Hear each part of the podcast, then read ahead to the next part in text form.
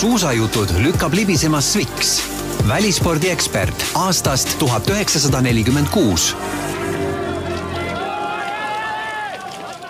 tere kõigile, kes on suusajuttude kuuldeulatusse sattunud ja loomulikult siitpoolt äh, head soovid uueks aastaks. ühtlasi tänud Margus Aderile, kes tegi suusajuttude aastalõpu viimase episoodi Kalju Ojastega. igati mõnus kuulamine. kes ei ole veel jõudnud tutvust teha, soovitan soojalt meie tänane vestluspartner on korra juba suusajuttude podcastis käinud, eelmisel talvel Pekingi olümpia ajal, ent mitte enda lugudega, siis oli fookuses kahevõistlus ja Kristjan Ilves. täna räägime personaalselt külalise enda tegemistest on lennanud suuskadel rohkem kui kakssada meetrit, võitnud juunioride MM-ilt kolm medalit, suutnud mitu korda võistlusspordi maha jätta ja tagasi tulla, on võimeline mitmeid kuid järjest ainult kapsalehti sööma. tere tulemast suusajuttude podcasti, Kaarel Nurmsalu. tervist, väga hea meel on olla siin jälle. Äh, ma ei tea, kas see viimane fakt nüüd vastab tõele, aga me võiksime korra sellest äh, võib-olla kohe rääkida, et äh, võistlushooaja sees suusahüppaja põhimõtteliselt toitub porgandist ja kapsast jah, selles mõttes, et mina tegin pigem selle vea, et ma ei söönud süsivesikuid üldse, sõin ainult väga-väga kerget liha ehk siis kalkunit ja, ja põhimõtteliselt kapsast, mis iganes muud rohelist. ja mingi vahe isegi arvutasin kokku, et seal äh, sõin, oli päevi, kus ma sõin tuhat kakssada kilokalorit päevas ja see oli kõik. aga näiteks äh, rääkides Arti Aigrast, siis tema ei pea sellise asjaga tegelema, sest tal on loomu poolest kaal juba nii hea, et ta saab niisugust äh, natukene mõistlikuma asjadega oma kaalu paika. kui sul seda ei ole antud, et sa põhimõtteliselt pead iga asja jälgima, mida sa suhu paned. et noh, nii-öelda kaalu mõistes, et mida kergem sa oled, seda noh, tõenäolisem on, et sa kaugele lendad, eks. midagi teha ei ole, füüsikaseaduste vastu põhimõtteliselt me ei saa. siis see on painav. on, see on naljakas just, et mõelda niipidi, et kui on antud kaalu et e, see on karm ja, ja tegelikkuses e, ma olen seda ka öelnud, et see nagu minu karjääri lõpetas, sest sest kõik need terviserikked, mis sellega kaasnesid, et südamerütmihäired ja kesknärvisüsteem andis saba ja, ja tegelikkuses äh, suusahüppajate selline, võiks öelda isegi kutsehaiguseks saanud anoreksia tuleb nagu väga lihtsalt kallale, et on küll niisugune nagu spordianoreksia formaat, aga noh, kui me täna vaatame suusahüppajaid ja, ja võib-olla hiljem tuleme korraks kombede juurde ka, siis tegelikkuses kõik, kõik muudatused, mis on tehtud kombedes tegelikult soodustavad veel rohkem seda, seda kaalu nälgimist. ja see on siis niimoodi, et äh, hooaja vahel äh, suvel sööd kõhu viimast korda täis, sa tead, istud kahekümnendal augustil istud äh, lauda õhtul. nii, sel hooajal ma enam normaalselt süüa ei saa. või tegelikult ütleme ka võistlushooaja sees on mingisugused pausid, kus saab natukene nagu lõdvemaks lasta?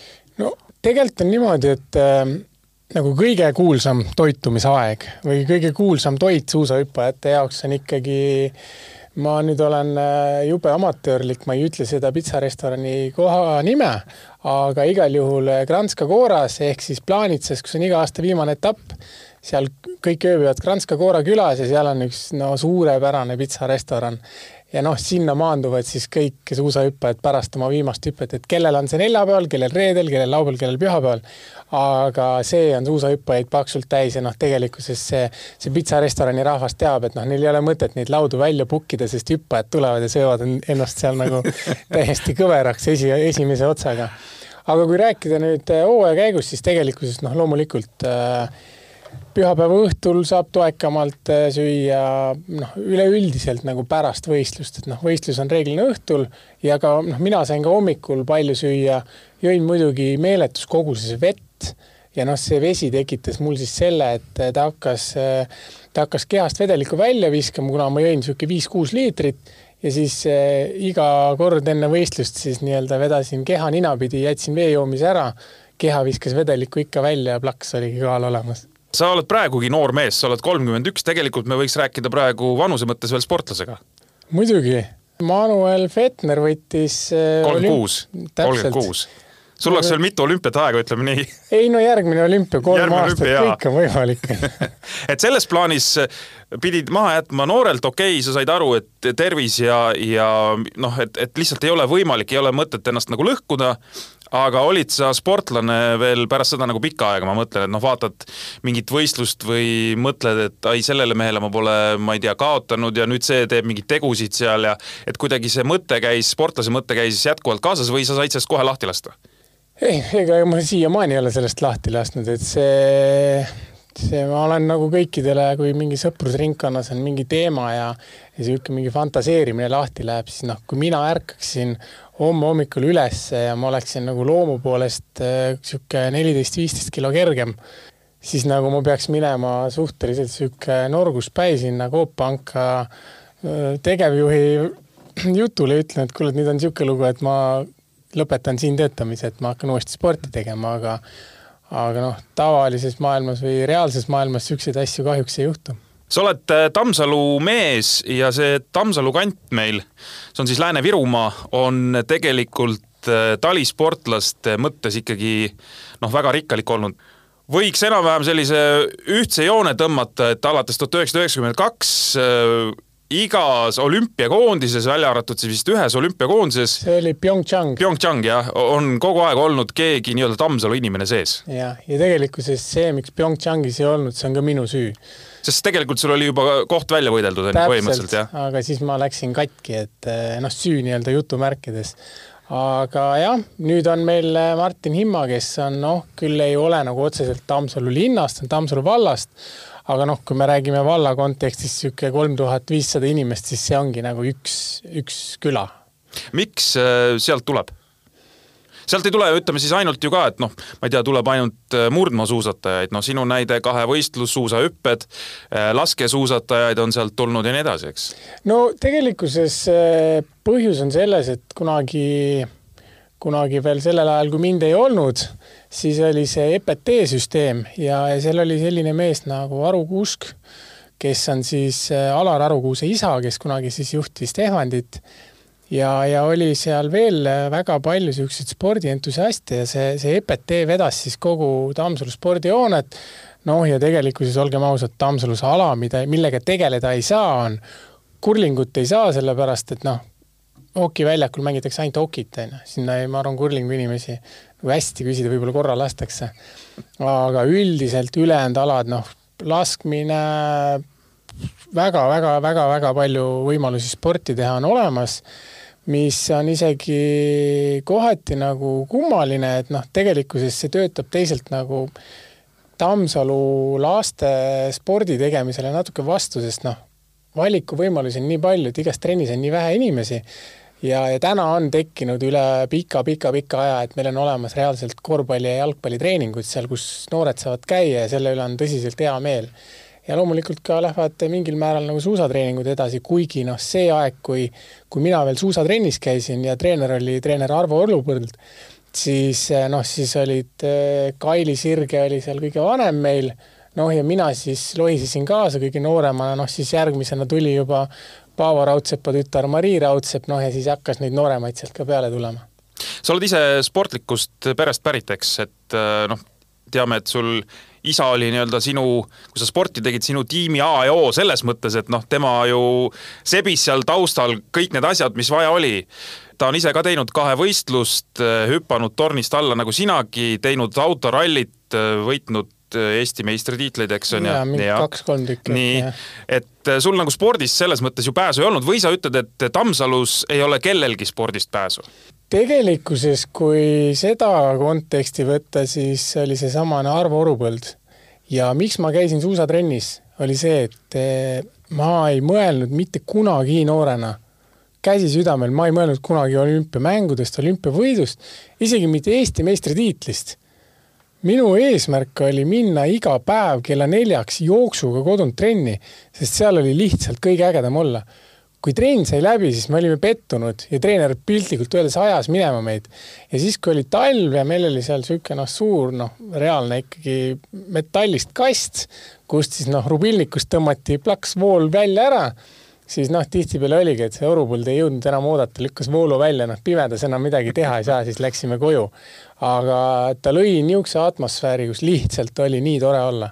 ja, ja see ei olnud sport, mida ma tegin, see oli kõige kvaliteetsem vaba aja veetmine. Jah, ega räägitakse, et vähemalt mingis vanuses või mingi vanuseni ei olegi see tulemuse tagaajamine tähtis, vaid tegelikult ongi süstida seda armastust et sa tahad liikuda ja noh, küll sa lõpuks jõuad kas siis nüüd selle päris õige spordialani või siis noh, enam-vähem õige spordialani, mida, mida võiks teha jah, see õige spordiala, see on ka selline asi, et kas mina valisin õige spordiala, ma ei. no kui sa räägid sellest, et sa võiksid olla viisteist kilo kergem, siis ma arvan, et sa pigem ei valinud õiget spordiala. no ma olen ka seda meelt, aga, aga noh, rääkides isast, siis tema arvab, et no väga mööda ka ei läinud ikka et eh, kui ma ise mõtlen nagu, ma pole mitte kunagi kusjuures tennist mänginud näiteks, ma mõtlen enda füüsilisi omadusi, siis äh, pikk ülakeha, pigem tugev ülakeha suusarajal paarist tõugetes, noh, keeruline oli noh, kahevõistlejate seas nagu kaotada, onju. ja, ja näiteks vabalt võisin seal noorena ikka isegi nagu sprinti sõita, aga, ja siis jalad olid siuksed kiired hea reaktsiooniga, aga mitte ei kestnud niisugust mingit pikalt jooksma, mingi kolm tuhat meetrit, lõpetage ära, noh, kõndida tahaks vahepeal. et, et noh, justkui tennis võiks sobida või midagi niisugust, aga see on fantaseerimine, ma ei, ma nagu ei tea. tennist Tammsalus mängida saab?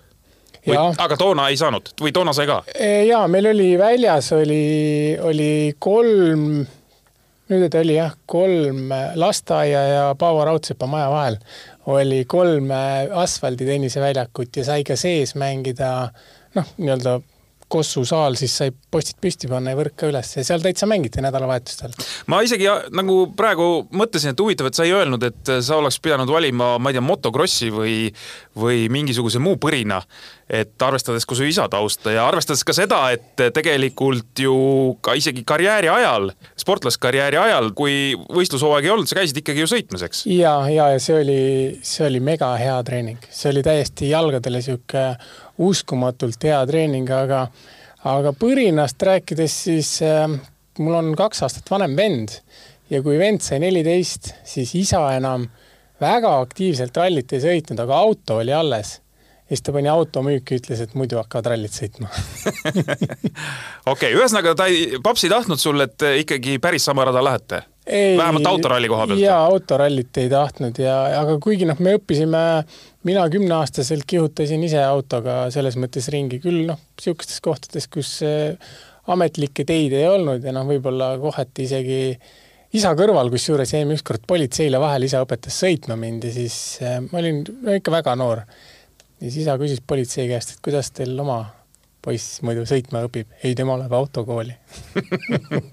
Ei no arvestades jällegi su isa seda suuvärki, eks, mitte nagu halvas, vaid just heas mõttes, siis eh, küll ta need asjad seal sirgeks rääkis, mis vaja oli, eks. aga, aga kus see, kus see päris sport siis sinu ellu lõpuks tuli, et et kust maalt sa nagu ise mäletad, et, et vot siis hakkas midagi nagu tõsisemalt nagu ma rääkisin, ma läksin kõigepealt suusatrenni, seal oli niimoodi, et suusatrenni tohtis minna kas teises või kolmandas klassis. no lihtsalt koolisiseselt olid niisugused reeglid väga konkreetne, jube hea oli niisugune kindel värk. aga kuna mul vend käis juba suusatrennis ja seal sõbrad ja, ja seal oli nii äge, siis ma ikkagi smugeldasin ennast sinna sisse, onju. ja siis ma nii-öelda salaja käisin juba esimeses klassis seal suusatrennis siis ma arvan, et ma olin niisugune üksteist äkki ja me tulime Tallinnasse vanaema juurde, ta elab Nõmmel ja isa, kuidagi tuli isa ja onu ja onu kusjuures oli mul väga andekas suusahüppaja. aga kahjuks eh, õnnetus juhtus ja, ja mõlemad jalaluud läksid puru ja sinna suuresti see karjäär läks.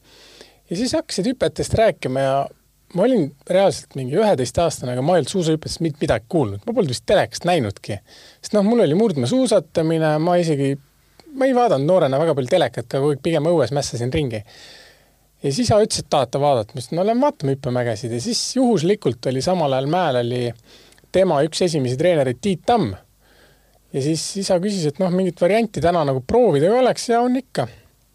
sain siis varustuse, võtsin sealt esimesed, mis kätte juhtusid, nii hull õhin oli, et saaks ainult kätte, põhimõtteliselt ei proovinud saapaid ka. vend oli kõrval, no venna suurus saapaid ei olnud, olid ainult suured ja väiksed. no ikka ei sobinud see suusahüpet talle kohe kuidagi ja tema ei proovinud ja siis sõitsin kaks-kolm korda mäest alla sa sõitsid alguses Nõlva, eks? Nõlva täpselt. sõitsin Nõlva kaks-kolm korda mäest alla ja siis äh, küsisin, et noh, et ma lähen torni ja siis treener hakkas seal kõva häälega naerma koos isaga, et ei, et siin ikka sõidetakse kogu aeg ikka pikalt Nõlva ja ja vaja ikka harjutada ja siis ma ütlesin, kuule davai, et lähme vahetame riided ära, siis ma seda ei viitsi, et kaks varianti, kas ma lähen torni või me lähme minema. treener vaatas, et noh, davai, pane. ta vaatas isale niisuguse näoga otsa ka umbes, et no mis siit tuleb aga ma jäin esimene hüpe kohe püsti, ainuke asi on see, et äh, hüppesuuskadega on pidurdada raske, sest tal pole kante üldse, ta on reaalselt niisugune libe laud on. ja, ja all seal paar korda panin kõhuli, jäin hüppama ja siis juba, siis juba läksin Rakveresse hüppama ja siis tekkis niisugune kahevõistluse maik sellele suusatamisele kõrvale. ja ma olin, ma arvan, üks niisugune paar aastat käinud ja siis tegin ühe täishooaja talvel kaasa ja, ja siis mingil hetkel äh, ma justkui tahtsin nagu suusatada rohkem, sest seal oli see punt kahevõistlust, ma pidin üksi tegema kuskil Rakveres, siis see mägi pandi põlema seal Rakveres, siis ma pidin hakkama käima. kui suur mägi see Rakveres oli või? seal oli kaheksateistkümnene uh -huh. ja kusjuures Eesti kohta suur kolmekümnene. ehk selles mõttes seal mingi Ühesõnaga kaks mäge lausa oli seal, jah? seal mingi mhm. maani täitsa sai teha ja need olid päris head mäed, siuksed. kolmekümnene oli kõrge torni ja kõrge lennu ja päris äge mägi siis mingi hetk isa ütles, et tead, nüüd on niimoodi, et kui sa nagu päriselt sporti tahad teha, siis murdmaasuusatajat sinust mitte kunagi ei saa, et arvesta sellega. noh, tegelikult päris karm väljaütlemine, mida võib-olla ei tohiks teha lapsele, aga ju ta teadis enda põhjal võib-olla, kuigi tema pigem oli nagu hea vastupidavusega. Ja noh, nagu me minu hilisemas karjääris kahevõistluses nägime, siis äh, kuigi ma algul olin hea suusataja, kuna ma olin suusatrennist tulnud. siis oli ikkagi isal pigem õigus. jah, aga lõppkokkuvõttes suusatada ma ei jõudnud ja, ja eks ta see hetk just oligi, ma arvan, niisugune kolmteist, neliteist, et äh, see tähendab isegi seda, et ma tõenäoliselt hakkasin liiga vara tegelema tippspordiga. aga noh, kuna me vaatame, et suusahüpetes Gregor Schlierenzauer tuli kuueteistaastaselt, noh, ei saa öelda, et mees tuleb maailmakarikasarja, hakkab võitma ja ta ei ole tippsportlane, noh järelikult äh, ala kontekstis ei olegi nagu nii vara võib-olla, et noh, see on niisugune maitseasi, eestlane võib-olla võiks hiljem alustada, kui on niisugune uimane. isa küsis su käest, ehk siis isa oli ise valmis panustama sinna? nojah, mitte ainult, et selles mõttes see aeg ja see viitsimine käia seal Rakvere hüppemäel põhimõtteliselt koolist otse, siis Rakveresse hüppama, siis kui Rakverest sai läbi, siis hakkasime käima äh, Tallinnas, noh, Tallinnasse sada kilomeetrit üks ots, sada kilomeetrit tagasi, nädala sees me võib-olla mõnel korral käisime, aga pigem nädalavahetusel. ja tegelikult äh, kuna me käisime niimoodi terve mu karjääri, alustasime, käisin nädalavahetustel jalaagrites ja siis hiljem, kui, kui ma olin tippsportlane, siis ma elasin ju ikkagi Tammsalus, ma ei läinud Otepääle kooli. Siis see rütm minu jaoks oli okei okay ja see tähendas seda, et kui ma nädalavahetusel lähen hüppama, siis ma ei saa endale lubada lihtsalt hüppeid et kogu aeg on vaja nagu mingit progressi või midagi teha. muidugi see hüpete maht oli väike, et see peaks olema suurel, suurem vahet ei ole, kas sa oled kahevõistleja või hüppaja. aga, aga kuidagi kahe kõrva vahel mul see hüpped tundusid nagu jube loogiline ja lihtne ma vaatan, kuusteist oled sa olnud esimest korda juunioride MM-il Tarviisios. see oli kusjuures päris huvitav seik oli mm,, tegelikult ma oleks pidanud minema Põhjamaade noorte meistrivõistlusele aga kuna seal olid äh, alasiseselt mingisugused lahkhelid, siis äh, mind mängiti, mängiti välja Põhjamaade võistkonnast. sinna saadeti üks suusahüppaja kahevõistlust tegema, kes sinna minna ei tahtnud. et noh, mingi vahet ei ole, mind täna ei huvita ka see, mis, mis see nagu põhjus mhm. oli. ühesõnaga, aga siis tulid katsevõistlused juunioride MM-ile ja katsevõistlused toimusid äh, meeste klassis ja noh, põhimõtteliselt noh, mehed välja arvata, ma ei mäleta, kes selle kahevõistluse võitis, Kaarel Piho või Tambet Pikkor, üks, emba-kumba neist. ja ma sain elu esimese Eestikate medali ka siis, ma olin Eestikate hõbe ja ma pidin karistuseks minema juunioride MM-ile, mitte põhjakatele. Too aasta me oleks põhjakatel ka midagi võitnud, aga noh, siis ma sain käia jungadel, ma ei tea, viis-kuus aastat järjest nagu näha, siis lõpuks kogemused äkki aitasid ka medalile. no kogemused, eks sa said kindlasti tugevamaks ka, ma arvan, eks ja, ja see oli, oi, see Tarviisias oli jube, see oli, see on au ja kiitus Eesti määrdemeestele, kes seal olid. Nad määrisid pikalt-pikalt parimad suusad nagu kõikidest, aga sellegipoolest mul olid ilmselt viimased suusaajad aga noh, eks ongi, sa võistlesid ju vanematega, ütleme, et seal sinu vanuseid oli suht vähe, ma arvan. jaa, oli, aga, aga noh, see oli jah, tõesti, see oli niisugune omapärane võistlus. kusjuures see võistlus oli niimoodi, et Tarviisio oli nimi ehk justkui Itaaliani ja suusatamine oli ka Itaalias. me elasime Austrias ja hüpped olid Plaanitsas ehk Sloveenias. aa, nii, selline võistlus lausa? ja iga päev sõitsime üle mäe nagu mitu korda no sinna Plaanitsasse me jõuame tänase jutuga võib-olla ka veel, et äh, sul on seal mõni võistlus hästi välja tulnud ja seal on äh, sel aastal maailmameistrivõistlused ja. tulemas. aga ühesõnaga see mm ikkagi nii kohutav ei olnud, et oleks sind, ütleme siis äh, mõtlema pannud, et äkki hakkaks midagi muud tegema peale spordi ei, kindlasti mitte, ta ei olnud kohutav kuskilt otsast, et äh, ma teadsin, et ma ei lähe sinna mingit tulemust tegema, kuigi ma andsin maksimumi, käisin suu ammuli, vaatasin seal neid teisi, neid päris kahevõistlejaid ja ja esimest korda nägin, kuidas äh, kasutatakse keemiat hüppemäel, ehk kui ikkagi väga sula on, seal oli meeletult palav. ja, ja seal oli hea nali ka, kui Tanel Levkoi läks äh, proovihüpet tegema ja siis seal oli niimoodi, et oli iga viie hüppaja tagant kasteti selle nii-öelda keemiaga mäge. aga Tanelil hakkas seal tuul ka midagi keerutama niimoodi, et ta pidi jube kaua ootama ja siis, kui ta ükskord alla läks, siis hoovõturada võttis nii hullult kinni, et enne tõuget ta pani käed sõna otseses mõttes vastu hüppemäe otsa. ja tõestuseks, et ta käed tõesti maha pani, tal tuli kinnas käest ära ja siis noh, ta hüppas mingi kolmkümmend meetrit, mis on täiesti. aga püsti jäi vähemalt? jäi püsti mm, -hmm. aga see on täiesti võimatu, on nii vähe hüpata üheksakümne meetri mäel. ja siis äh, kohtunik tuli pärast sinna alla Taneli juurde, ütles, et kuule, et äkki sa tahad uue hüppe, anname sulle, et noh, kuna see keemia oli tegemata. Tanel ütles eesti keeles, mingi hüppake ise alla sealt, kui tahate ühesõnaga võttis sisu ära? jah, aga ei, ta tegi, pärast ikkagi võistlema läks ja noh, me lihtsalt teadsime, et see keemia on nagu ülioluline ja kohtunikud said ka niisuguse hea õppetunni, aga aga mis seal ikka. isa oli kaasas juba sul seal? ei, seal ei olnud, seal oli treener, kui ma ei eksi, kadunud Ilmar Alove. miks ma küsin seda, ma küsin selle mõttega, et äh, sinu kohta tuleb öelda ikkagi peresport, selles mõttes, et ja, kui ei oleks, ei oleks olnud fanaatilist äh, isa tuge, sinust pigem ei oleks saanud sportlast või ikkagi oleks? pigem ma ei usu jah, ma arvan, et ma oleksin jube kergelt läinud mingisugusele sellisele libedale teele et äh, pigem ma olin niisuguse elava hingega ja, ja ikka nagu rahvainimene, kes, kellel meeldis nagu igal pool ringi mölutada.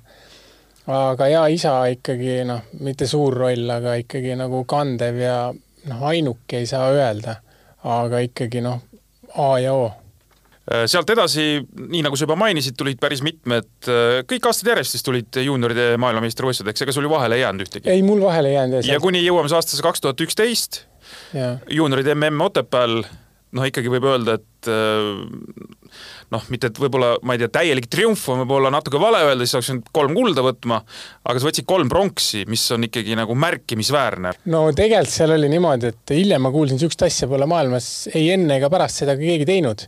ehk individuaalis võtnud nii kahevõistluses kui suusahüpetes. jaa mm, -hmm. et küll kahevõistlejad on olnud hüpete meeskonnas, seda on küll olnud ja palju ja minu teada isegi medalil aga tegelikkuses sellest nagu aasta tagasi võtta, siis oli Hintersaartenis oli võistlus. kaks tuhat kümme juunioride mm. jah, täpselt, kaks tuhat kümme. ja seal oli niimoodi, et äh, ma mingi täiesti, täiesti üllatuslikult sain kuidagi hüppevormi, ma ei olnud pikalt, ma olin ju hea suusataja pigem. ja, ja seal MM-il äh, mul jubedalt oli ebaõnne ma oleksin seal vabalt võinud olla medalil juba sprindidistantsil. mul oli hästi palju ebaõnne tuulega seal. ja, ja siis, kui see võistlus ära lõppes, siis eh, tuldi treeneri juurde, Petter Kukon oli treener, siis kuulge, et eh, üks sportlane, kes järgmine aasta võistleb eh, Eestis ka, et tooge siia. ja siis me läksime sinna, ma ei mäleta, kas Kail Piho tuli või ei tulnud, aga igal juhul ma läksin sinna ja siis Kotkas tõi mägede tagant Eesti lipu ja siis Eesti lipp anti minu kätte. ja see oli mul kodus kapi peal või nagu rippus kodus pikka aega. ühesõnaga nii-öelda korraldajad andsid äh, sinu kätte umbes lipu, et äh, mis siis võiks järgmisel MM-il seal kuskil lehvida, jah? täpselt mm -hmm. ja, ja siis tuli, siis oli nädal enne seda Otepää Jungad MM-i oli, oli Klingenthali äh, kontinentaalkarikas, kus siis kus sa võitsid? Ja, ja see mitte lihtsalt ei võitnud, aga seal juhtus niimoodi, et äh, noh, me teame, et poome liigutatakse ühe või kahe kaupa reeglina. ja ma hüppasin äh, terve, terve laager hüppasin poomist üheksateist kuni kakskümmend neli, olenevalt tuulele. ja seda kontinentaalkarikat hakati, proovihüppeid hakati tegema poomist kolmkümmend viis või kolmkümmend kuus. ja siis, kui tuli minu kord, siis ma ütlesin sellele stiilikohtunikule või sellele tornikohtunikule, kuule, pane kümme pro-, poomi allapoole. see kohtunik keeras niisuguse näoga ümber, ta oli nagu kogu aeg olnud seal, ta oli lõpuni välja kliigendaalis. vaatas mulle niisuguse näoga otsa, ütles kümme. ma ütlesin jah, kümme, ütlesin talle nii inglise kui ka saksa keeles kümme see küsis alt, ütles, et nalja teete või. aga kuna võistluste TD oli soomlane, kes hiljem oli ka kahevõistluse siin Otepääl, see siis küsis kohe kohtunike tornist, et kuulge, et küsige treenerite käest, kas on õige jutt. Ja pärast seda siis see, seesamane TD küsis igal võistlusvoorul treeneri käest, mis poomi paneme, kui ka tegelikkuses juunioride MM-il enne võistlust küsis arvamust, et kuule, mis seis on, et mis poomist Kaarel hüpata tahab. et noh, tegelikult siis oli hüpete vorm tõesti oli nagu väga hea. no ja selle sa realiseerisid siis ka siin kodus ära, eks, põhimõtteliselt? jah, kuigi ma sain äh, just hüpete juunioride MM-il pärast esimest hüpet sain korraliku peapesu. Et oli väga halb hüpe. väga halb hüpe, jah? jah, ja jäin kolmandaks peale esimest vooru. jaa, no seal oli ju, kes see hõbedamees oli meil, Kraft, eks, jah? Kraft oli hõbe ja kusjuures see oli hästi huvitav võistlus ähm, neljas oli Anders Vannemel, kes hüppas äh, paar aastat pärast seda maailmarekordi ja selle rekordi hüppas üle teine koht ehk Stefan Kraft, kes on täna maailmarekordi omanik. No lisaks sellele, et muidugi haiböökid, freitagid, kõik no.. kes seal veel võistlesid, eks, ja ega kahevõistluses oli ka ikka, ma vaatasin, sakslased, kes siin hiljem on äh, ilma teinud, olid ju vaata et kõik seal absoluutselt. mingisugune generatsioon oli seal kõik peal, eks? jaa, noh, seal oli nii Saksa, Austria, noh, Austria täna, Reerl, Seidl, mm, see oli Brandner minu arust. teisi ei mäleta, sakslastest oli kindlasti Manuel Feist ja Johannes Rütsek. Äh, noh, Jelenko muidugi lõpetanud oli Sloveenidest. Äh, norrakatest äh, neljas või viies oli Jörgen Krobak Uule Kristjan Vendel, tolleaegne superstaar, oli, oli neljas, medalit ükski päev ei saanud, Kraabak samuti jäi tühjade kätega. kuule, aga kui sa praegu neid nimesid loed ja me põhimõtteliselt võime siin noh, mida iganes teoritiseerida, sul siis ikkagi jäi enda lagi noh, kaugelt ära võtmata? kui me teame, mida need mehed, keda sa praegu siin lugesid, ikkagi lõppkokkuvõttes on saavutanud täiskasvanute tiitlivõistlustel? hüpetes kindlasti. kahevõistluses äh, noh ma lihtsalt kahevõistluse Otepääl, kõlab võib-olla veidralt ise öelda seda, aga noh, ma lihtsalt hüppasin nii palju eest ära ja mul oli nii suur eelis ka tegelikult teiste ees selle kodumäega. ja, ja ma tõesti olin väga heas vormis, aga, aga suusahüpetes või tähendab kahevõistluses ma olin murdmaas ja ma olin väga halb, mul lihtsalt jalad, no kolm-neli kilomeetrit vahet ei ole võistlusest, kõmm jalad täis ja noh, mitte miski ei muutu. et ma tegin, treenisin nii hästi, kui oskasime, nii palju, kui, kui mõtlesime, et võiks võimalik olla.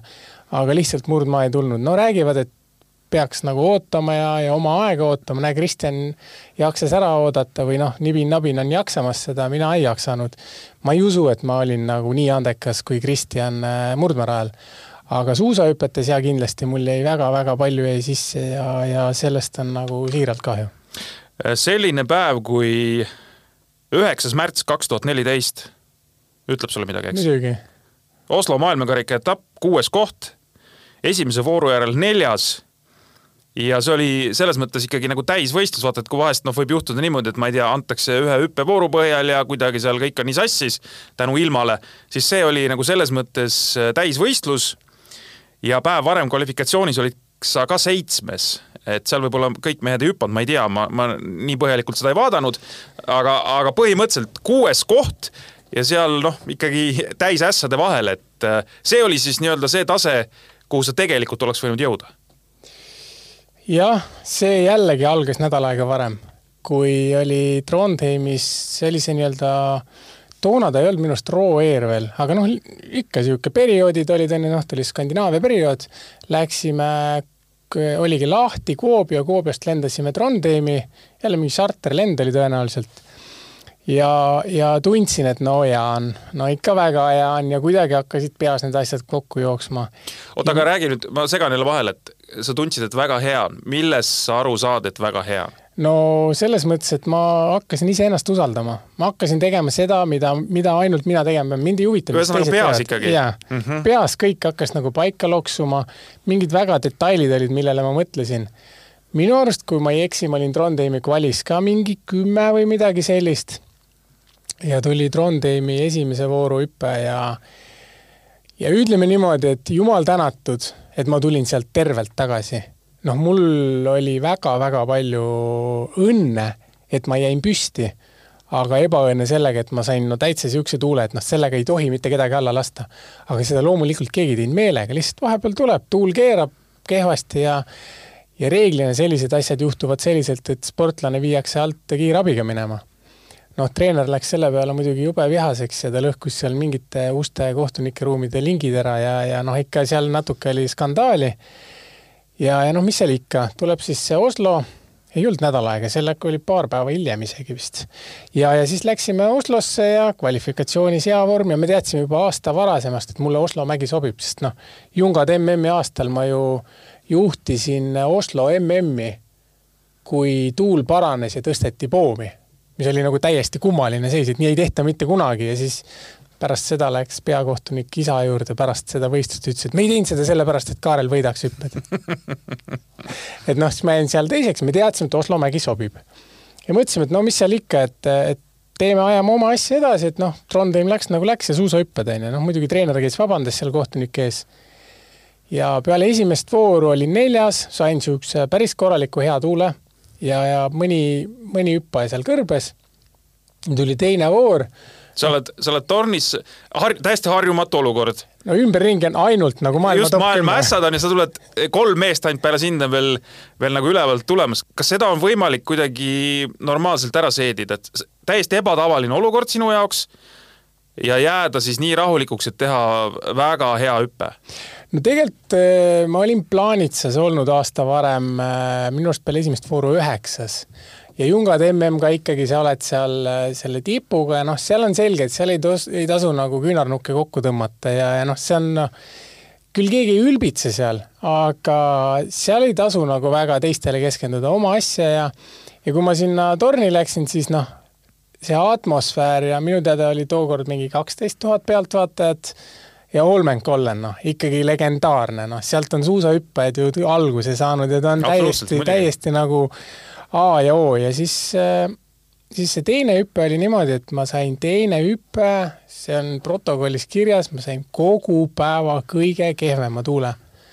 ja kui ma selle hüppe ära tegin, siis äh, video pealt vaadates on ka näha, et ma tegelikult, ma, nii hästi oli kõik mul endal teada.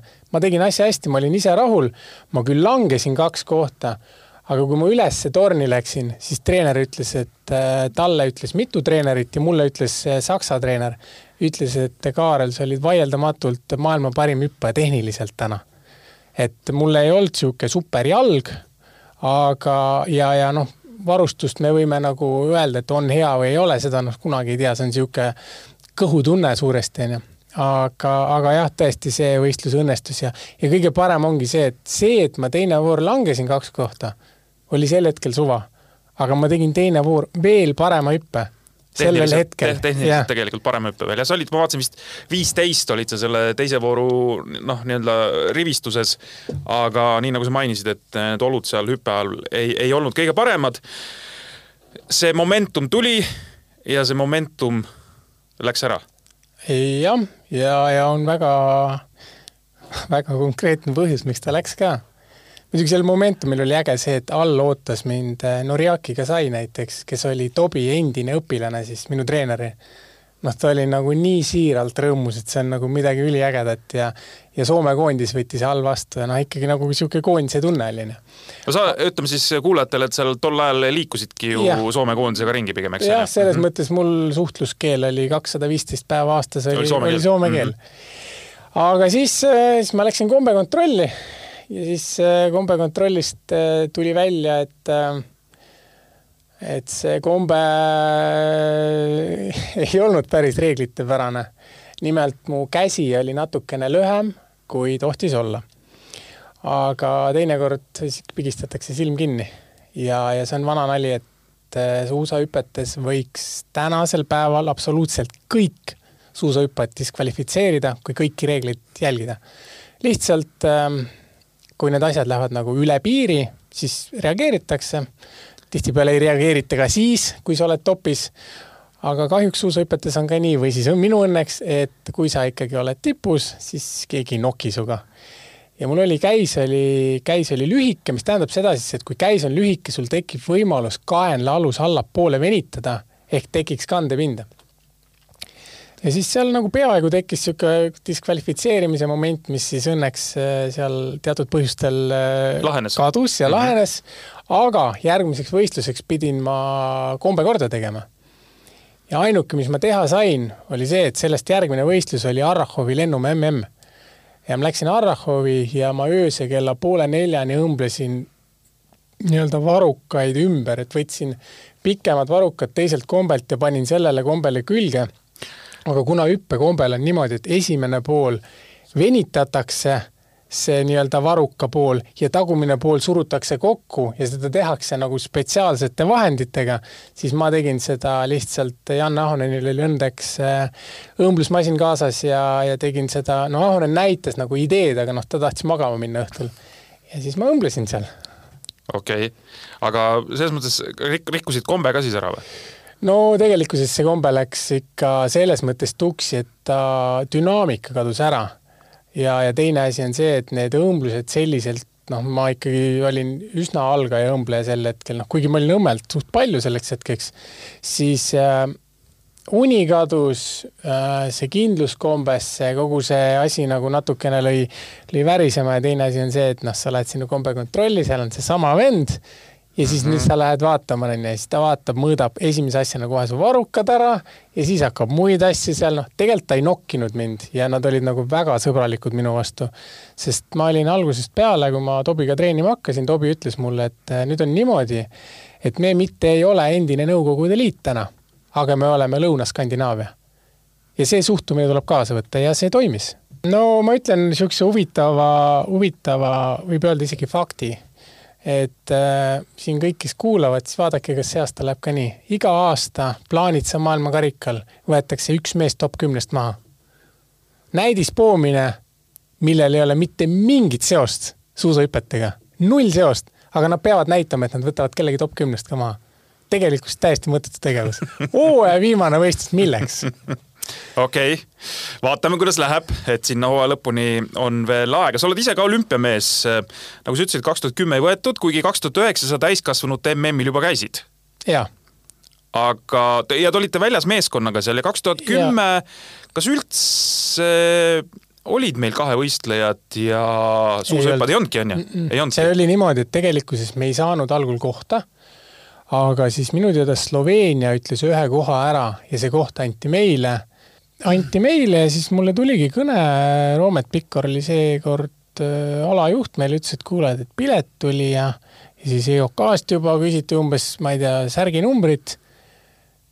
ja siis tolleaegne Eesti Suusaliit otsustas, et ei ole, et mis me teeme noorele sportlasele äh,. Tekitame mingist liigset stressi, mis noh, minu enda arvamus siiamaani on, et see oleks olnud kogemus aga, aga siin on hea võimalus tänada Erki Noolt, kes minu eest eh, nii palju, kui sai välja astus, kahjuks sellest kasu ei olnud. aga, aga ta nagu mingil määral kaitses mind, aga, aga noh, see on jälle niisugune asi, et eh, las ta olla, et Toomas Savi palus eh, selle eest vabandust juunioride MM-i poodiumil, kui ta autasustas mind et ühesõnaga sinna ei oleks läinud meeskond, vaid sa oleks saanud minna üksinda? jah mm, -hmm. aga noh, see jällegi on niisugune noh, kahju ikka, et ei käinud, aga no ma olen nagu ise seda meelt eh, täna, et et noh, kui keegi ütleb mulle, et ta eesmärgiks on olümpiale pääsemine, siis mina täna nagu pigem ütleks, et ära mine noh. et noh, mis seal ikka, tahad minna olümpiale, osta pilet, mine vaata, kuidas olümpial võisteldakse, et sinna olümpial on ainult kolm medalit, noh, seal ei jagata punkte, ei mitte midagi, seal on kolm medalit. okei okay,, laiendame, on see top kümme, mille eest saad siis EOK mingisugusele no, rahastusele, onju. aga üheteistkümnest kohti edasi, mõttetu. täiesti nagu ei ole mõtet lihtsalt võistlema minna sinna. aga see on jällegi, sportlased on erinevad. et loomulikult väga palju on inimesi, kes näevad jubedalt vaeva, on ülitublid, ma ei tea, Eddie the Eagle mm -hmm. jõudis olümpiale mm, -hmm. tema eesmärk oli jõuda ja käia olümpial, no on äge, mina olen natuke teistmoodi suhtumisega ja ja selles kontekstis okei okay,, ei ole hullu, et ma seal Vancouveris ei käinud. okei okay,, olümpiakogemuse ikkagi said, kaks tuhat neliteist Sotši kohad äh, kolmkümmend kaheksa, nelikümmend üks vist on ju. halvad. ja kindlasti äh, sa ise lootsid rohkemat ja tegelikult ajakirjanik läks suusahüppevõistlust äh, päris palju vaatama just selle lootusega, et äkki Kaarel midagi teeb. jah, aga see asi tegelikult noh, see, see oli hästi vastuoluline aasta. me ju suvi õnnestus ülihästi, ma olin tõesti väga heas vormis ja siis läksime, novembris oli esimene maailmakarikas, minu teada see oli esimene aasta, kui maailmakarikas algas äh, Kliigenthalis Saksamaal. ja läksime Kliigenthali kohale ja mul juba tegelikult ähm, äh, Rovaniemis esimesel lumevõistlusel tundus, et midagi on kahtlast, et kuidagi vasaksuusk jääb alla ja siis mingid seljavalu teemad, onju. ja siis see jala, see jalg nagu see vasaku jala reaktsioon kogu aeg läks kehvemaks kuni sinnamaani, et siis eh, Kliigenthalis treeningõpetajal ükskord tegin maandumise ja nagu vasak jalg üldse ei reageerinud enam minu nagu käskudele. ja siis ma helistasin kohe enda ihuarstile, kolmandale vanaemale, suurepärasele sõbrannale Virve Vasele, kes, eh, kes siis ütles, et kuule, et see on, asi on kahtlane, et paki asjad kokku ja tule koju. ja siis ma tulin koju Virve oli suutnud kõik asjad järjestada täiesti filigraanselt Eestis niimoodi, et mul paari päeva jooksul, põhimõtteliselt esimene päev, kui ma jõudsin, ma sain kohe käia MRT-s, sain äh, kõikide tipparstide juurde ja noh, mis välja tuli, oli, mul oli selgroos äh, nii-öelda see disk oli puruks läinud ja, ja tükid, närv, tükid siis närvikanalisse kukkunud. doktor Taavi Toomela tegi selle korda, see oli novembri lõpp ja ma küsisin, noh, mis seis on ja siis Taavi ütles, et kuu aja pärast võid hüpata. noh, tundus küll nagu, et noh, veits sihuke, ma ei tea, mulle endale kohati tundus, et okei okay,, et vend tahab natuke head meelt teha või midagi siukest.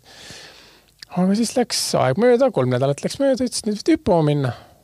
ja, ja läksimegi, esimesed hüpped tegin Seefeldi mäelt ja esimesed kaks hüpet panin kõhuli sest nii kõva sula oli, et äh, suusad jubedalt kantisid, aga noh, kuna jalad olid nagu nii pehmed ka all veel, ja siis me hakkasimegi seda nagu, esiteks see, see haav oli veel selja küljest, see ei olnud ära paranenudki lõpuni, siis mingeid harjutusi teha ei saanud, jalgadele kangi midagi teha ei saanud, siis me hakkasime kuidagi nagu tagasi tulema.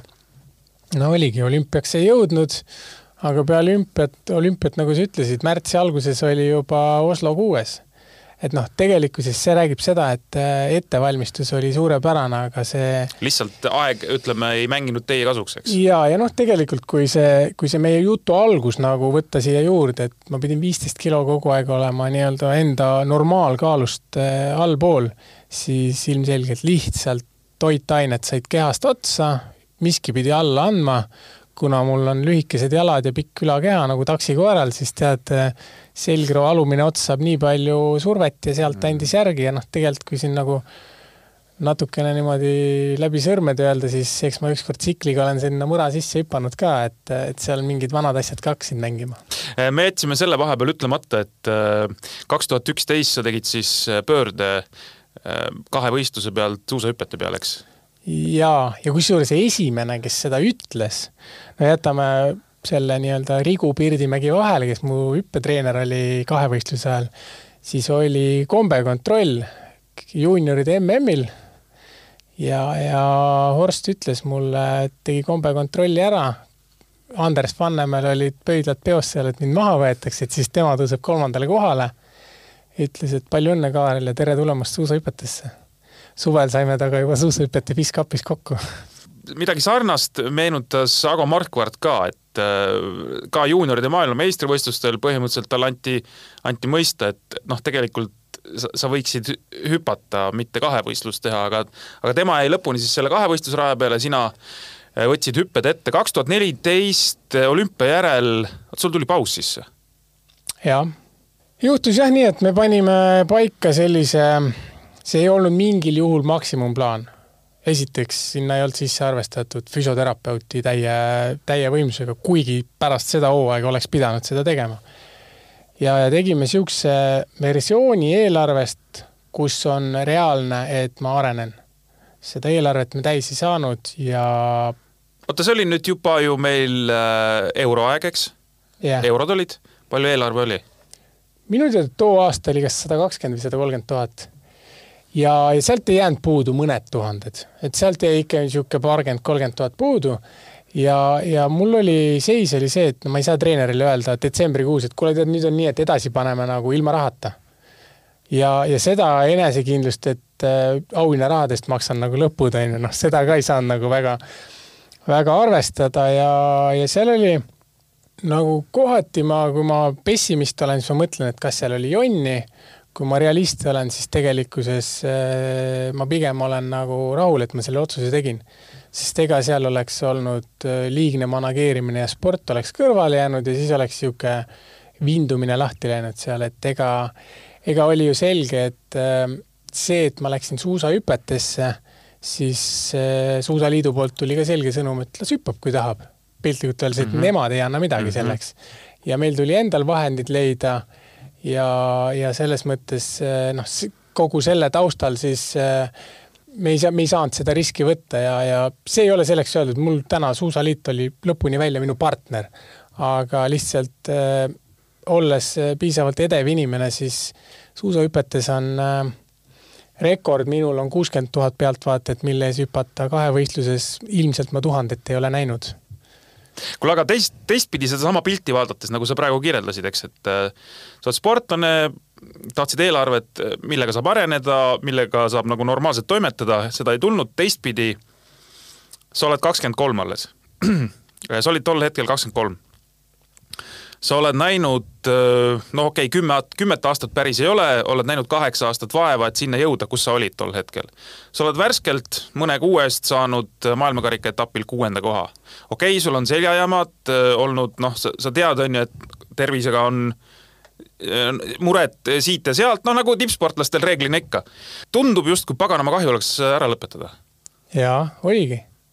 aga, aga see, see põhjus oligi selles, et noh ma ei saanud minna selliselt edasi, noh, esiteks äh, võtame täna kasvõi näiteks finantsi, ise enda isiklikku finantsi. mul on nagu selg on korra juba käinud.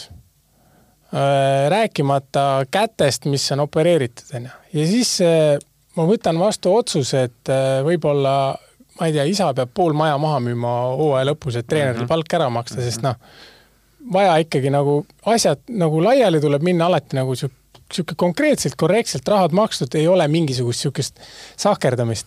loomulikult oli kahju, pisar tuli, kõik nagu, kõik see oli, aga ma ei saanud eh, lihtsalt nii tuimalt sellele hooajale peale minna, sest ma teadsin, et nii kui hooaeg hakkab, siis tuleb välja see maailma kõige nõmedam inimene Kaarel Nurmsalu, kes on kogu aeg närvis mm, -hmm. nälgas ja kui ta peab veel mõtlema sellele, et kuidas raha kokku saada, noh, see asi ei toimi. nõus, aga õnneks mingisugune, mingisugune vedru sulle sisse jäi selles mõttes, et äh, sa ikkagi äh, ühe korra ikkagi tulid tagasi veel.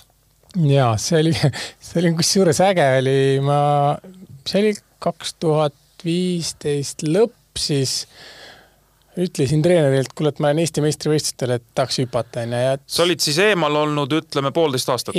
umbes nii, eks mm? -hmm. ja siis äh, ütles, ütlesin, et kuule, et viitsid saada mingid äh, harjutused, et mida, mis sa mäletad, mida me tegime too aeg, mis andsid nagu tunnetuse, sest ma teadsin, et sel hetkel mingi jalajõud kuhugi kadunud ei olnud, ma olin korvpalli mänginud, jalgpalli, noh, ma olin nagu ikkagi terav olin ja siis saime omal tunnetuse paika täpselt õigesse kohta mingite harjutustega ja läksin hüppemäele ja saatsin, äh, saatsin Tobile videod, et näed, praegu hüpped on sellised. Tobi ütles, et saad aru, Kaarel, sa paned suusad jalga, sa võid maailmakarikale minna. sest noh, see kõik oli säilinud ja noh, tegelikult Karl-August Tiirma, kes seal mäel oli, või too aeg oli Jaan Jüris või, no nad mõlemad ütlesid ka, et no täitsa pekkis, mis me, mis me kutid siin vahepeal teinud on. ja siis ma läksingi Eestikatele, äh, ma ei mõelnud, kas ma võidan või ma jään teiseks kui ma töö juurest ära läksin, siis ma ütlesin oma kolleegile, et ma hüppan uue mäerekordi. see hakkas naerma. ei hüpanud, kordasin et ühesõnaga, sealt sa said ikkagi selle tunde tagasi, et äkki ikkagi proovin veel või? jaa, ja siis, äh, siis ma nagu mõtlesin seda natukene, rääkisin kodus naisega ja siis ta oli nõus ja, ja ütlesin treenerile, et kuule, et ma hakkan liikuma. Mingist hetkest hakkan sulle palka maksma, kui sa oled nõus treener olema, et niikaua, kui sul on mingi oma töö, et tee seda.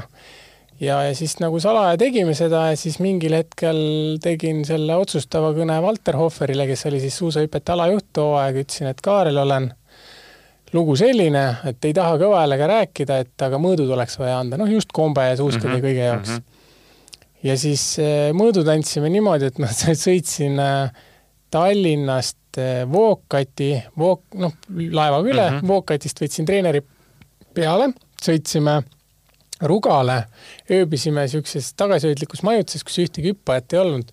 hommikul kell seitse, see oli Ruga kontinentaalkarikas samal ajal, esimestena olime seal kopis, võtsime mõõdud ära ja kui me kopist välja läksime, siis tulid sportlased juba vastu. ja no nii mõnigi sõber, et oot-oot, mis sa siin teed mm? -hmm. ma ütlesin, mul on kiire, ma lähen. Ja needsamad vennad pärast siis, kui ma tagasi tulin, nägid, ahaa, nüüd ma tean küll, mis sa tegid seal.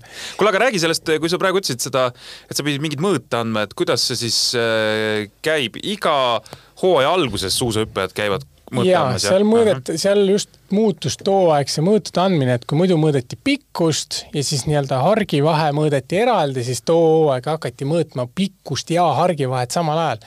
Ehk kui sa venitad ennast pikaks, siis hargivahe läheb ka pikaks, mis on halb, sest noh, kandepinda kaob, on ju. ja siis, mis ma veel tegin tee peal, sõitsin lahtist mööda parasjagu, siis mõtlesin, et ahaa, et helistaks Aavasele, et mis, mis teha vaja on ja siis eh, helistasin Aasele, Ahan ütles, et kuule, tead, sa mulle täna helistasid, et nüüd lähed koju ja hakkad kõigepealt võimlema, et võimled puusad lahti. et eh, selleks, et pikaks saada ja torso alla, on vaja puusad välja keerata ja tagumik alla ehk et see mõõt võetakse nagu ühe kanni poole siis alt servast nii-öelda ah,. okei okay., seal on et ka mingid omad nipid, jah? no see oli korralik tehnika ja siis, siis Tobi filmis mind seal, saatis põhimõtteliselt Aasele, et kuule, et on okei okay või? ja, ja väga hea, et aga noh, tehke kõik nagu korralikult lahti, siis me ärkasime ka varem ülesse, venitasime, toimetasime seal ja saime oma mõõdud kätte ja noh, tegelikkuses see oli ka Eesti Suusaliit nagu teadis loomulikult, sest noh, antidopingul oli vaja ka teada anda ja siis äh, seal oli veel selline asi, et ma võtsin, pidin ära võtma ühe sportlase koha, kuna selleks, et mõõte anda, sa pead olema tollel nädalavahetusel nagu võistluslistis. aga seda ei tohtinud juhtuda. ja siis noh, seal tegi muidugi jällegi Valter Hohver tegi üks kõne ja ütles, et force majeure mida juhtus ka minu esimesel jah, kui ma tagasi läksin kaks tuhat seitseteist Wisla maailmakarikal, tuli jällegi force majeure ja jällegi Valter Hofferi poolt, sest noh, ta tõesti väikseid riike hoidis. mida rohkem, seda uhkem. sa siis tulid tagasi, ütleme väga pikalt sellel teemal selles mõttes ei peatu enam, me juba natuke rääkisime. PyeongChangi sai läinud, tegid siis kaks tuhat seitseteist hooaja lõpuni. ja suvel seal oli niimoodi, et eh, kuna ma olin teinud ju hooaja alates jaanuarist, mitte maailmakarika mm -hmm. algusest, siis me treeneriga otsustasime, et teeme nädalase pausi või oli po-, a la kümme päeva, teeme treeningtsükli ja teeme uue puhkuse sügisel. ehk et eh, võtame enne hooaega nagu selles mõttes hoogu rohkem maha, et nagu kahes otsas võtame hoogu maha. ja tegime selle pausi ära ja ma hakkasin vaikselt treenima ja siis läksin Läksin ühele lihtsalt tavalisele jooksu, jooksuringile, niisugune nelikümmend mintsa pidin jooksma, natuke jõudu peale ja siis ma olin kodust mingi pooleteist kilomeetri kaugusel, kui siis üks näopool nagu ära vajus. ja, ja ma algul kartsin, et seda kõige hullemat, aga aga õnneks see ei olnud ja siis, kui ma Virvele helistasin, noh siis oli, see oli selge, et oli vaja Virve juurde minna, kõik testid teha ja noh, siis tuligi välja, et organism oli nagu pidulikult saba andnud ja siis ei olnud noh, kahte moodi mõtlemist ei olnud enam? ei, seal nagu, seal oli noh, reaalselt mhm. seal, seal oli kõik.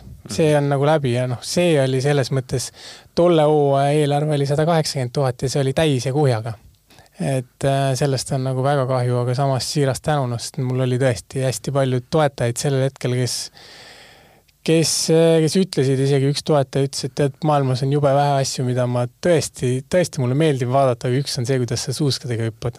oli, leidus niisuguseid inimesi ja, ja ma olen õnnelik inimene, et neid, neid leidus. ja kusjuures seal PyeongChangis sa ju ära käisid, sa eelolümpial ju aasta varem ikkagi olid ju kohapeal olemas täitsa, eks on ju? jaa, seal käisime. Need sain... hüppemäed said vähemalt ära proovida? jaa, ja need olid mäed, mis sobisid mulle, see on kõige hullem. see on kõige hullem, mäed sobisid, raha oli koos? no kõik oli olemas kõik oli olemas. välja arvatud tervis. no vot, aga eks jah, nii, nii ta paraku on, et kunagi ei tea, kust, kust otsast võib käriseda, ehk siis tuleb alati võtta äh, praegusest hetkest maksimum või? jaa, ja ega noh, loomulikult jääb mingid asjad jäävad painama, aga ma olen üritanud pigem niipidi, et ma andsin endast maksimumi ja nagu me tegelikkuses jutu alguses rääkisime, siis äh, ega ta ikka vist nagu sada prossa õige ala ei, ei olnud mulle, kui ma nii palju nälgima pidin. jaa, meil on nüüd tulemas maailmakarikas, äh, kodune maailmakarikas, see on siis, võistluspäevad on meil kuues, seitsmes ja kaheksas jaanuar Otepääl ja vaat see talispordi juures, mis nagu noh, sina saad sellest loomulikult äh, täpsemalt rääkida või, või sinu arvamus on oluliselt õigem, aga noh, mina, kes ma olen äh, töö tõttu talisporti jälginud ja ka kohapeal käinud, ja vaatad neid äh, võistluste korraldajaid ja mõtled kogu aeg, et no pagan, millega nad võitlema peavad. et äh, kord ei ole lund, siis on lumeuputus, siis on mingi marutuul, siis on mingi udu, siis äh, justkui kõik hästi, nädal aega hiljem oih, miinus kakskümmend viis äkki tuleb ja nüüd ka siis Otepääl võib juhtuda, et tuleb, noh, ma ei tea, näiteks miinus kakskümmend. võistelda saab sellega? saab. saab, jah? mulle jubedalt meeldis, sest äh mida, mida külmem on ilm, seda kõvem on rada, seda kiirem on rada, noh, kuni mingi maani. aga samas mina sõitsin Matsuse suuskadega, mis olid tuntud kui külmailma suusad väga head. ja mulle nagu meeldis ja noh, rada on jube hea, kõva ja mõnus ja ja noh, üks loogika ütleb ka seda, et noh, reeglina, kui on miinus kakskümmend, siis tuul nii tugev ei tohiks olla. ehk tuul siis ei ei tohiks segada. ma kahtlen, et see miinus kakskümmend viis sinna viskab ja see võistlus ära jäetakse ja noh, lõppkokkuvõttes tegu on ikkagi, nagu sa ütlesid, talijalaga. ja selleks tuleb valmis olla, et külm on. et loomulikult mingist hetkest see hakkab nagu häirima, ütleme. kurgu ja, kurgu ja kõri peale, aga aga loodame, et ikkagi tuleb niisugune leebem ja rahulikum ja mingi miinus viisteist, päike paistab, tuult ei ole, noh, niisugune ilus asi. ja, ja ei, absoluutselt loodame, loomulikult. meil on siis oma lootus seal ka, Kristjan Ilves, kuigi selle aasta algus ei ole nüüd äh, nii roosiline olnud kui eelmine hooaeg. eelmine hooaeg maailmakarikasarjas viies oli vist, läks kokkuvõttes. seal mõned poodiumid, sel aastal hetkel seitse etappi kirjas või tehtud seitse etapp, seitse võistlust õigemini. ja Kristjan on siis meil kuueteistkümnendal kohal maailmakarikasarjas ja parimaks on hetkel kuues koht, kohe esimene võistlus. et äh, hüpped on kusagil kännu taga kinni. no kõigepealt äh, hea on näha, et see murdmaa lõpuks on tulnud tegelikkuses mina ütleksin, et suur samm on murdmaas edasi tehtud, kuigi omavahel siin kahevõistlejatega rääkides mina hoidsin peale ruga pead kinni, mõtlesin, et joh, ei tea, et murdmaad ka ei ole ja hüpped on ka läinud. aga noh, siis me muidugi rääkisime, et okei okay,, esimene etapp, et vahet ei ole. tegelikkuses murdmaas on ikka suur samm edasi ja Kristjan võib sõita ikkagi väga tugevatega koos pundis ja noh, see, see murdmaa tase on nüüd niisugune nagu juba, juba väga äge. mitte veel suurepärane, aga väga äge mis hüpetesse puutub, siis ähm, mm, hüpped ei saagi tulla, kui sa kolid kohta, kus enam hüppemägesid ei ole. Trondheimist tuleb teadupärast äh, maailmameistrivõistlused. ja minu teada lammutati seal hüppemäed ära, et ehitada uued. ja Kristjan läks sinna elama. minu jaoks on see küsimärk. et hüpete arv jääb liiga väikeseks? no kodumäge ei ole hüpete arv ei pruugi väike olla, aga, aga hakatakse hakkima selles mõttes, et tehakse nii-öelda hüppekaalutlus ja siis muu, et noh, nagu ma rääkisin, mina ise olin ka ju selle küüsis, et et hüppasin pigem vähe ja laagris või siis nädalavahetustel. et noh, versus näiteks Jarl-Magnus Riiber, kes on Oslost pärit, aga kolis nüüd Lillehammerisse, et paremini trenni teha ja ja olla lähemal keskusele, olla lähemal nendele headele tingimustele ma ei taha nagu mingisugust jubedat kriitikat või vingusit üles tõmmata, aga Trondheimis noh, loodetavasti mäed saavad varem valmis, kui on planeeritud ja Kristjan saab hüppama hakata. mis puudutab nüüd maailmakarikat, siis eh, Kristjan, ma tean, on käinud siin hüppamas, kuigi pikalt oli Otepää tema kodumägi, siis täna seda efekti väga nagu ei ole tal, sellepärast et suvel ta väga palju ei treeni siin, on ikkagi ära laagrites ja mujal nüüd ta tuli varem siia, oli jõulud ja, ja saab siin hüpata, noh, loodetavasti ta saab ikkagi mingisuguse tunnetuse kätte, kuigi ma kuulsin, et siin vahepeal, kui nad hüppama käisid, hüppamas käisid, siis olid päris kehvad ilmad olnud, aga, aga Tiirmaa ütles, et küll tuleb, noh. ja, ja ta on seal mäel kogu aeg olemas olnud ja vaadanud seda asja kõrvalt, et et loodetavasti see, see hüpe leidub ja, ja küll, küll muu ka järgi tuleb, kuigi ma tean näiteks, et pühapäevast on ka näiteks Eero Hirvonen juba Otepääl.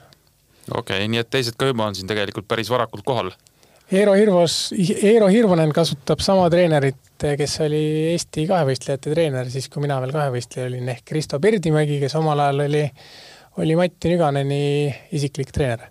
maailmakarikaks, ega me siin midagi ennustada selles plaanis ei ole, et Kristjani koha pealt me muidugi no, muidugi. top kümme võiks olla võimalik ei, muidugi pole ennustada, mõlemad võistlused top kolm jah. top kolm lausa jah, okei okay.. see on jälle see noh, minu jaoks natukene müstiline, kes ma ei ole ei suuskadega sealt tornist alla tulnud ega väga kiiresti suusatanud, et et äh, kord see on ja siis kord ei ole, aga noh. no tegelikkuses, ega ma olen ka optimist, ma olen, ma olen optimist ja, ja ma arvan, et äh, Kristjan on suuteline mõlemal võistlusel top kolme saama.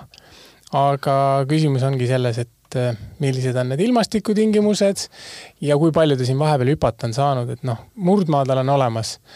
nüüd ju üks võistlus on seal massstart, mis ei ole, ei ole niisugune traditsiooniline nädalavahetus. täpselt mm. -hmm. ja, ja kuna Kristjan, nagu me juba rääkisime, suudab seal meestega võidu sõita ja temal on kodupublik ja ma usun, et Kristjan seekord saab sellest kodupublikust veel rohkem kätte kui varem ja ma loodan, et tõesti tuleb rohkem publikut, sest noh, tegelikkuses ala on vinge ja ma usun, et Eestis on väga-väga palju inimesi, kes ei ole oma silmadega näinud, kuidas, kuidas hüppemäel kaugele hüpatakse ja eelmine aasta ju Jarl Magnus Riiber näitas, et ta oskab ka väga pikki hüppeid teha Otepää mägedel.